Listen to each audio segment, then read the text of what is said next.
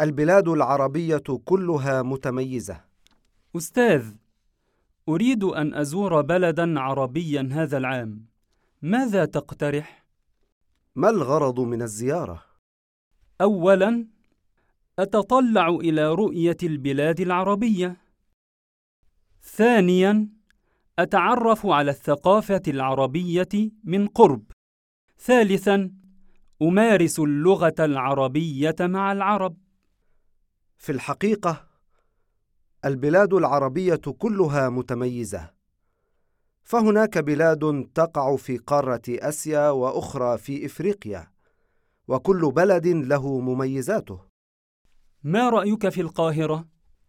القاهرة مدينة تاريخية وتتمتع بآثارها القديمة ومناظرها البديعة مثل نهر النيل والأهرامات وأبي الهول والجامع الأزهر وقلعة صلاح الدين.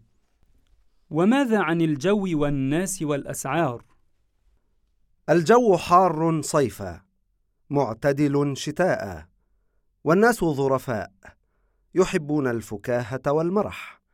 أما الأسعار فهي رخيصة جدا. ويوجد بها أيضا عديد من معاهد تعليم الفصحى للأجانب لكن المرور بها مزدحم سمعت أنك زرت دمشق العام الماضي فكيف هي؟ دمشق من أقدم المدن في العالم بها آثار كثيرة أشهرها المسجد الأموي وسوق الحميدية وفرص ممارسة الفصحى مع الشعب أكثر لكن جوها بارد في الشتاء وهل الرباط جيدة؟ الرباط عاصمة المغرب؟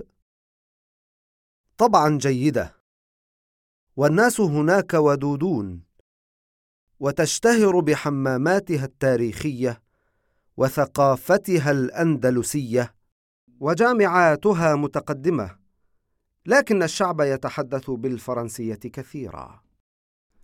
هذا أمر محير يا أستاذ.